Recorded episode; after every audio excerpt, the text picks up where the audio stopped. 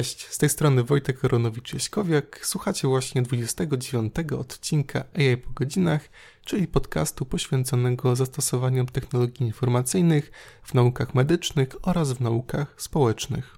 W dzisiejszym odcinku podcastu chciałbym Wam opowiedzieć o moich wrażeniach ze szkolenia, na którym byłem w ostatnim czasie. Szkolenie akredytowane Agile PM Foundation. To było takie szkolenie, które polega na na nauce zarządzania projektami. Ja od razu powiem, że nie mam całkowicie prawie że żadnej wiedzy, która dotyczy zarządzania projektami jako tako. Na moich studiach magisterskich my tak, my tak szczegółowych treści nie poruszaliśmy.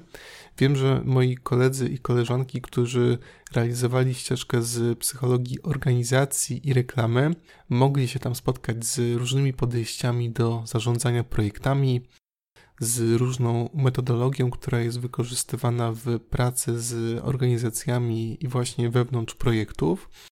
Ja natomiast kończyłem ścieżkę z psychologii sądowej i z psychologii klinicznej i mnie tak zaawansowane tematy no już niestety omijały. Na samo szkolenie udało mi się zarejestrować dzięki mojemu uniwersytetowi medycznemu, jeżeli ktoś mnie słucha z uniwersytetu, to jeszcze raz dziękuję za możliwość wzięcia udziału w tym szkoleniu. I muszę Wam powiedzieć, że byłem po raz pierwszy na czymś takim, i teraz, jak to szkolenie się już zakończyło, jak jestem już po tym drugim dniu szkolenia i po egzaminie, to zastanawiam się, czy nie sfinansować, czy też nie sfinansować z własnych środków za jakiś czas kolejnego szkolenia, które jest podobne do podejścia Agile, trochę go je sobie rozbudować poprzez, poprzez poszerzenie trochę i pogłębienie tych tematów, o których była mowa na tym szkoleniu wprowadzającym. Tak mi się to szkolenie spodobało i, i widzę w nim po prostu dosyć dużą wartość i możliwość wykorzystania w również mojej codziennej praktyce. Zanim powiem dokładnie o podejściu Agile, chciałbym może powiedzieć o tym, w jaki sposób to szkolenie się odbywało. No tutaj, no niestety, albo, albo stety, bez reklamy się nie obędzie. Miejsce, w którym odbywałem to szkolenie, było naprawdę wybitne, jeżeli chodzi o organizację i jeżeli chodzi o same warunki do tego, żeby w szkoleniu uczestniczyć. Uczestniczyłem do tej pory chyba w kilkunastu już szkoleniach, jak również warsztatach, które były gdzieś organizowane przy okazji konferencji, również w takich szkoleniach typowo komercyjnych. Natomiast miejsce, w którym odbywałem to szkolenie w Warszawie z Agile PM, no to no muszę, muszę przyznać, że od tej strony organizacyjnej wypadało to naprawdę bardzo dobrze. Od takich prostych informacji, które były nam przysłane na skrzynki mailowe, o tym, gdzie to szkolenie się odbędzie, ile będzie trwało, był również przysłany szczegółowy program tego szkolenia, było wiadomo z kim mamy, w jakiej sali, jak chociażby poprzez to, że Zadbano również o parking, o miejsce parkingowe. Nie trzeba było na przykład szukać miejsca parkingowego gdzieś w okolicy tego miejsca szkolenia, tylko po prostu wystarczyło podjechać swoim samochodem, wjechać do parkingu podziemnego, tam zostawić samochód, a następnie pod koniec szkolenia zapłacić te symboliczne 2 zł za godzinę stania. Duży plus za organizację. Tak naprawdę jedynym problemem, który się wiązał później z komunikacją z tego miejsca, później do domu, no to to był taki problem, że no niestety trzeba było później jakoś tym samochodem z tego centrum wyjechać, a że szkolenie kończyło się o godzinie 17-18 pierwszego i drugiego dnia, to niestety taki dojazd, taki dojazd z centrum Warszawy gdzieś tam w okolice mojego mieszkania na południu Warszawy, to dosyć dotkliwie się przekonałem, co to znaczy stać w korkach. Ale na pewno duży plus dla organizatorów za zadbanie o te różne rzeczy. Samo szkolenie składało się z takich dwóch części.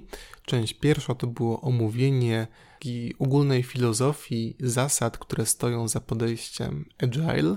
Była również mowa o tym, jak istotny jest y, cykl życia, cykl, cykl rozwoju danego produktu, o rolach i obowiązkach poszczególnych osób, które są zaangażowane w projekt. Natomiast drugi dzień był trochę krótszy. Wydaje mi się, że o godzinę czy o dwie godziny samego szkolenia i kończył się egzaminem. I tutaj muszę Wam powiedzieć, że spodziewałem się, że trochę ten egzamin będzie jednak prostszy. Miałem takie podejście, że jeżeli to jest szkolenie, za które tam trzeba zapłacić, które jest organizowane prywatnie, no to ten egzamin na koniec to będzie taka raczej formalność. Ale tutaj okazało się, że rzeczywistość jest trochę inna. I rzeczywiście, żeby zdać ten egzamin, na pewno należy zapoznać się z podręcznikiem, który jest przesyłany wcześniej, na kilka dni przed szkoleniem. Na pewno należy również uważać na to, jak omawiane są dane treści już konkretnie na zajęciach, na szkoleniu, dlatego że swoją drogą to, co jest zapisane w podręczniku, ale swoją drogą to, jak to może być również interpretowane, a szczególnie jak to może być interpretowane przez egzaminatorów. Taką ostatnią trudnością, która też wpływała w jakimś stopniu na trudność tego egzaminu, no to było na pewno to, że na pewno te wszystkie materiały, które składają się do tej polskiej edycji szkolenia Agile, są moim zdaniem bardzo, bardzo słabo przetłumaczone na język polski. A tutaj niestety, czytając to zdanie w języku polskim, wręcz w wyobraźni widzimy, jak to zdanie wyglądało w języku angielskim.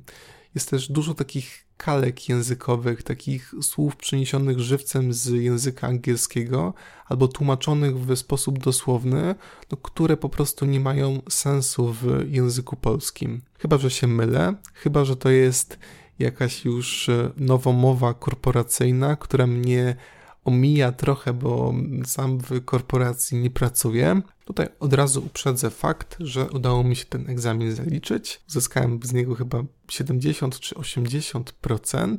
Żeby zaliczyć wymaganych było 50%, także bardzo się cieszę. Za niedługo będę widniał na stronie internetowej APMG jako osoba, która ukończyła to szkolenie i egzamin akredytowany. I też pewnie dostanę pocztą jakieś potwierdzenie tego, że udało mi się ten egzamin z sukcesem zaliczyć. Powiedziałem już o tym, jak to szkolenie wyglądało tak mniej więcej od tej strony organizacyjnej, no to wypadałoby teraz powiedzieć w ogóle, czym to podejście agile, czym to podejście, jak to jest tłumaczone, podejście zwinne się charakteryzuje i gdzie je można zastosować. No to przede wszystkim podejście agile to jest taki sposób myślenia o projekcie. To nie jest żadna metodologia, która zawiera w sobie jakiś zbiór technik, które następnie wykorzystujemy i które są właściwe tylko do podejścia agile. To jest raczej właśnie taka ogólna rama do tego, jak myśleć o zarządzaniu projektami, w jaki sposób do nich podchodzić, na co zwracać uwagę. I dostarcza również takie dosyć sztywne wskazówki, przynajmniej z mojej perspektywy, które następnie wykorzystuje się przy cyklu rozwoju danego produktu. A jak to się zaczęło? Zaczęło się w ten sposób, że tam jeszcze kilkanaście, kilkadziesiąt lat temu dominowało takie podejście waterfall, podejście, w którym kaskadowo realizowało się dane projekty w organizacjach, bazowało się wcześniej na tym, co zostało wykonane w przeszłości, następnie tak z dużą drobiazgowością przychodziło się do kolejnego punktu. To starsze podejście charakteryzowało się tym, że wszystko było tak drobiazgowo zaplanowane. No na przykład jeżeli jakaś firma miała stworzyć oprogramowanie,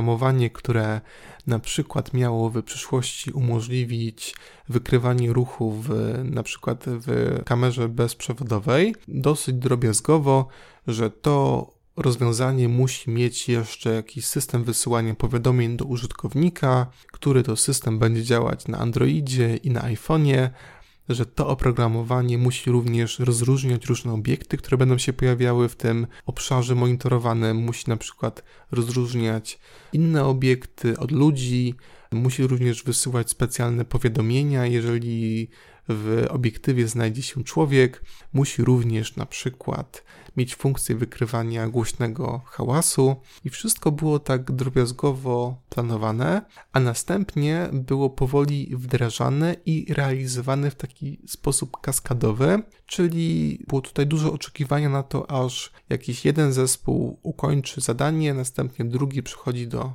dalszej części rozwiązania. To podejście miało spotkać się z kilkoma ograniczeniami. Na pewno jednym z nich było to, że już w czasie trwania tego projektu często jest tak, że w tym naszym zmieniającym się szybko świecie zmieniają się również oczekiwania co do produktu końcowego.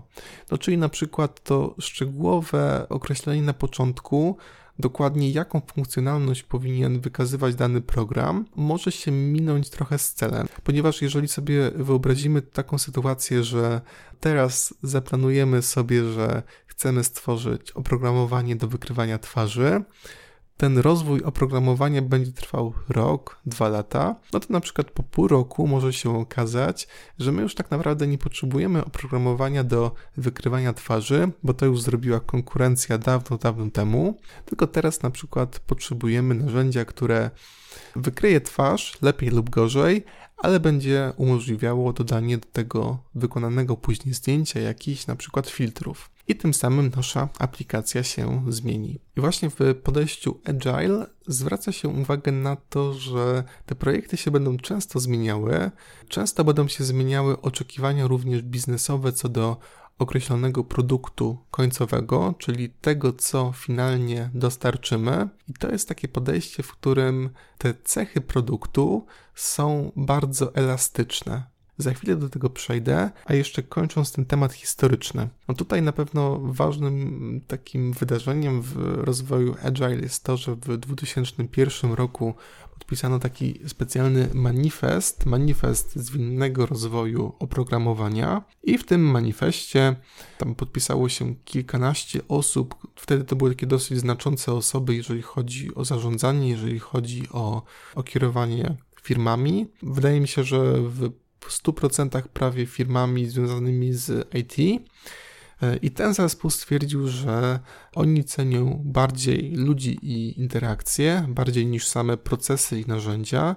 Cenią również bardziej oprogramowanie, które działa, a nie obszerną dokumentację. Cenią współpracę z klientem bardziej niż negocjowanie formalnych umów.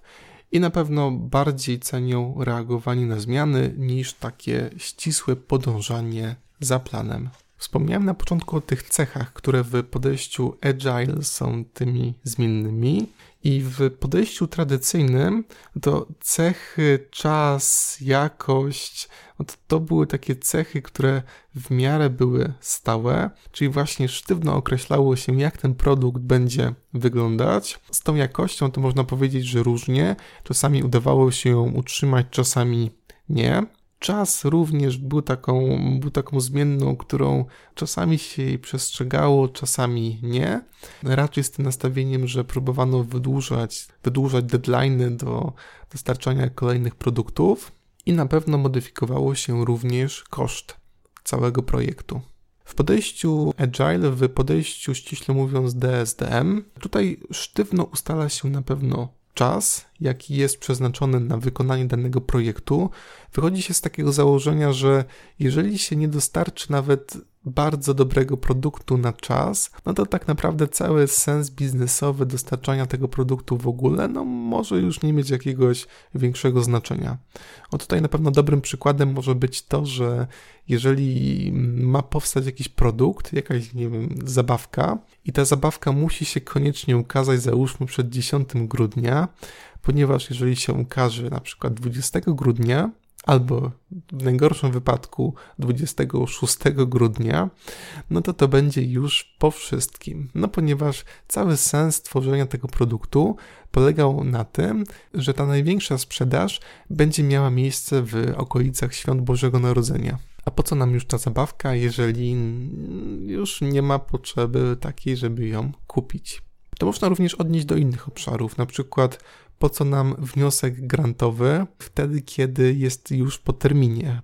Wtedy, nawet jeżeli ten wniosek będzie bardzo dobrze skonstruowany, będzie bardzo przemyślany, ale niestety nie zmieściliśmy się w terminie i mm, musimy poczekać na kolejną rekrutację. W podejściu DSDM sztywno ustala się również koszt całej inwestycji. To jest również bardzo istotne, żeby osoba, która jest sponsorem, która później będzie miała prawa do tego, do tego produktu, żeby wiedziała dokładnie, ile za ten produkt zapłaci. I na pewno sztywno ustala się również jakość czyli to i w jaki sposób ten, ten program będzie funkcjonował, to się też tą jakość dosyć sztywno ustala na początku trwania projektu. Jednym z zasad, o których będę za chwilę mówić, które wiążą się trochę z filozofią podejścia agile, jest to, żeby nigdy nie iść na kompromis w kwestii jakości tego produktu, nad którym pracujemy. A tą zmienną, która na pewno podlega zmianie, są cechy produktu. Czyli to nie jest tak jak w tym podejściu takim tradycyjnym, że szczegółowo ustalamy cele, tylko te cele nasze i te cechy produktu ustalamy tak bardzo szczegółowo, jak po prostu wymaga to od nas przejście do kolejnego etapu. Czyli na samym początku będę jeszcze mówić o tym procesie, który wiąże się z pracą nad projektem, ale po pierwsze zajmujemy się tymi projektami, które na pewno mają uzasadnienie z naszego punktu widzenia i które są możliwe do wykonania. Natomiast te cele i te poszczególne cechy produktu ustalamy w taki dosyć ogólny sposób, i to wszystko dopiero wychodzi, jak to się mówi, w praniu. Co się uda zrobić dokładnie, czego się nie uda zrobić, ale też z drugiej strony dzięki Moscow, które wytłumaczę za chwilę, klient, który składa zamówienie na produkt, wie dokładnie jaką funkcjonalnością on się będzie na 100% cechować po tym upływie określonego czasu, a na co może liczyć, że coś jeszcze może w tym produkcie wystąpić. Filozofia DSDM jest dosyć krótka. Tutaj wydaje mi się, że nie złamie chyba praw autorskich do tego podręcznika, jeżeli zacytuję to jedno zdanie, które składa się na filozofię DSDM. I przy okazji też chciałbym Wam uświadomić, że no, o ile podejście wydaje mi się naprawdę bardzo atrakcyjne, to tłumaczenie tego na język polski no, jest, no, jak sami zresztą za chwilę pewnie usłyszycie, bardzo toporne. Otóż filozofia DSDM mówi o tym, że najlepsza wartość biznesowa wyłania się, gdy produkty są powiązane z jasnymi celami biznesowymi, dostarczają często, a także angażują do współpracy ludzi zmotywowanych i umocowanych. O co w tym chodzi? Chodzi na pewno o to, żeby przy procesie powstawania tego naszego produktu angażować do pracy nie tylko ten zespół, który jest zaangażowany w to samo techniczne wykonanie produktu, ale również od samego początku angażować biznes, angażować tą osobę, która jest sponsorem, która również później będzie korzystała z tego produktu, czyli potencjalną grupę odbiorców, do tego, żeby, mm, żeby oni na przykład konsultowali albo zwracali uwagę na poszczególne aspekty tego, tego dostarczonego produktu, tak żeby po prostu ten produkt później nie był taki oderwany od rzeczywistości. W tej filozofii DSDM zwraca się również uwagę na tą rolę zespołu, na to, żeby każda osoba w zespole czuła się ekspertem w swojej dziedzinie. Tutaj mówi się o tym, że to nie jest tak, że każdy musi posiadać wiedzę z wielu różnych dziedzin. Podkreśla się wartość takich zespołów, które składają się z różnych specjalistów posiadających wiedzę w określonej dziedzinie ale ważne jest to, żeby ci ludzie czuli się rzeczywiście ekspertami w tych dziedzinach, żeby tak ich postrzegać, żeby korzystać na bieżąco z ich wiedzy i oczywiście odpowiednio się z nimi komunikować. DSDM ma swoich 8 pryncypiów, czyli 8 takich zasad, których to są takie zasady nadrzędne do wszystkich aspektów związanych z zarządzaniem projektem z tej perspektywy agile. I pierwszym z nich to jest koncentrowanie się na potrzebie biznesowej, czyli chodzi o to, żeby ciągle gdzieś tam z tyłu głowy przy pracy z danym projektem mieć to, że my go robimy w określonym kierunku, chcemy osiągnąć określony cel. Drugim pryncypium jest dostarczanie na czas. To jest właśnie to, o czym mówiłem na początku, jak zacząłem omawiać poszczególne treści tego szkolenia. Chodzi o to, że właśnie, że dostarczanie produktów poza czasem no, może już nie mieć sensu. No poza tym też taką buduje wiarygodność w oczach naszych klientów. Zasadą trzecią to jest na pewno współpraca. To jest taka dobra współpraca z naszym zespołem, między innymi ta kultura no blame, czyli nie szukania winnych danego jakiegoś złego zdarzenia, do którego miało dojść w naszej firmie albo w naszym zespole, tylko raczej skupienie się na tym, co jako zespół możemy z tym zrobić. Wiadomo oczywiście, że znalezienie winnego podnosi nasze samopoczucie. Mamy już tego chłopca do bicia, czyli osobę, którą możemy za coś obwinić ale tutaj właśnie refleksja jest na to, jak to wszystko, jak ten błąd tego danego człowieka przekłada się na nasze funkcjonowanie i co my jako zespół możemy z tym zrobić. Kolejną zasadą jest to, żeby nigdy nie iść na kompromis w kwestii jakości. To jest taka zasada, która zwraca uwagę na to, że no nie możemy dostarczać produktów, które będą nieodpowiedniej jakości, które będą, jeżeli to jest chociażby jakaś aplikacja mobilna, które będą się zawieszały, które nie będą w odpowiedni sposób przetestowane. Mówi się o tym, że ten produkt powinien mieć mniejszą ilość cech, ale żeby te cechy bardzo dobrze działały w naszej aplikacji, niż właśnie dostarczanie produktu z większą ilością cech, ale właśnie o takiej miernej jakości. Kolejną zasadą jest budowanie przyrostowo od solidnych podstaw. I tutaj chodzi o to, że powinniśmy zacząć od takich najważniejszych rzeczy, które się wiążą z realizacją naszego projektu, a następnie do nich dobudowywać kolejną funkcjonalność. Czyli jeżeli mielibyśmy firmę, która zajmuje się właśnie takim zastosowaniem technologii informacyjnych w ochronie, w ochronie domu, mienia i jeżeli to miałaby być, nie wiem, miałby być jakiś specjalny głośnik, który jest podłączony do, do systemu tej firmy i ten głośnik miałby rozpoznawać, załóżmy, jakieś podejrzane dźwięki i o tym wysyłać jakieś powiadomienia, o to powinniśmy w ogóle zacząć od tego, żeby to był dobry jakościowo produkt, jeżeli chodzi o rozróżnianie tych takich podejrzanych dźwięków od tych dźwięków zupełnie naturalnych. Następnie jak to mamy, no to przechodzimy do jakichś kolejnych funkcjonalności, na przykład do różnicowania między głosami, na przykład naszych pracowników, a osób z zewnątrz. Jak to mamy, no to możemy na przykład jeszcze do tego dorzucić jakąś dodatkową funkcjonalność. Kolejną zasadą jest, jest e, rozwijanie iteracyjne, czyli tak, takie dostarczanie i konsultowanie różnych tych przyrostów naszego projektu, tego kierunku też, w jakim rozwija się ten projekt z innymi osobami, z takim ciągłym sprawdzaniem, czy to, co robimy, jest na pewno zgodne z tą zasadą pierwszą, czyli skoncentrowaniem się na tej naszej potrzebie biznesowej i odpowiada na pewno celom, jakie są stawiane przez biznes. Kolejną zasadą jest komunikowanie się ciągle i jasno. O tutaj zwraca się uwagę na to, że te trudności komunikacyjne w zespole są często taką przyczyną różnych niepowodzeń, które wiążą się z realizacją projektu, i to jest na pewno coś, czego byśmy chcieli w naszym projekcie uniknąć. Ostatnią zasadą jest demonstrowanie kontroli. Tutaj chodzi po prostu o to, że raz na jakiś czas powinniśmy tak transparentnie ukazywać, w jakim miejscu projektu się znajdujemy, co nam jeszcze zostało do wykonania, jak stoimy z realizacją harmonogramu pracy, czyli tego typu rzeczami związanymi z projektem. Wyróżnia się również czynniki, które wpływają na sukces.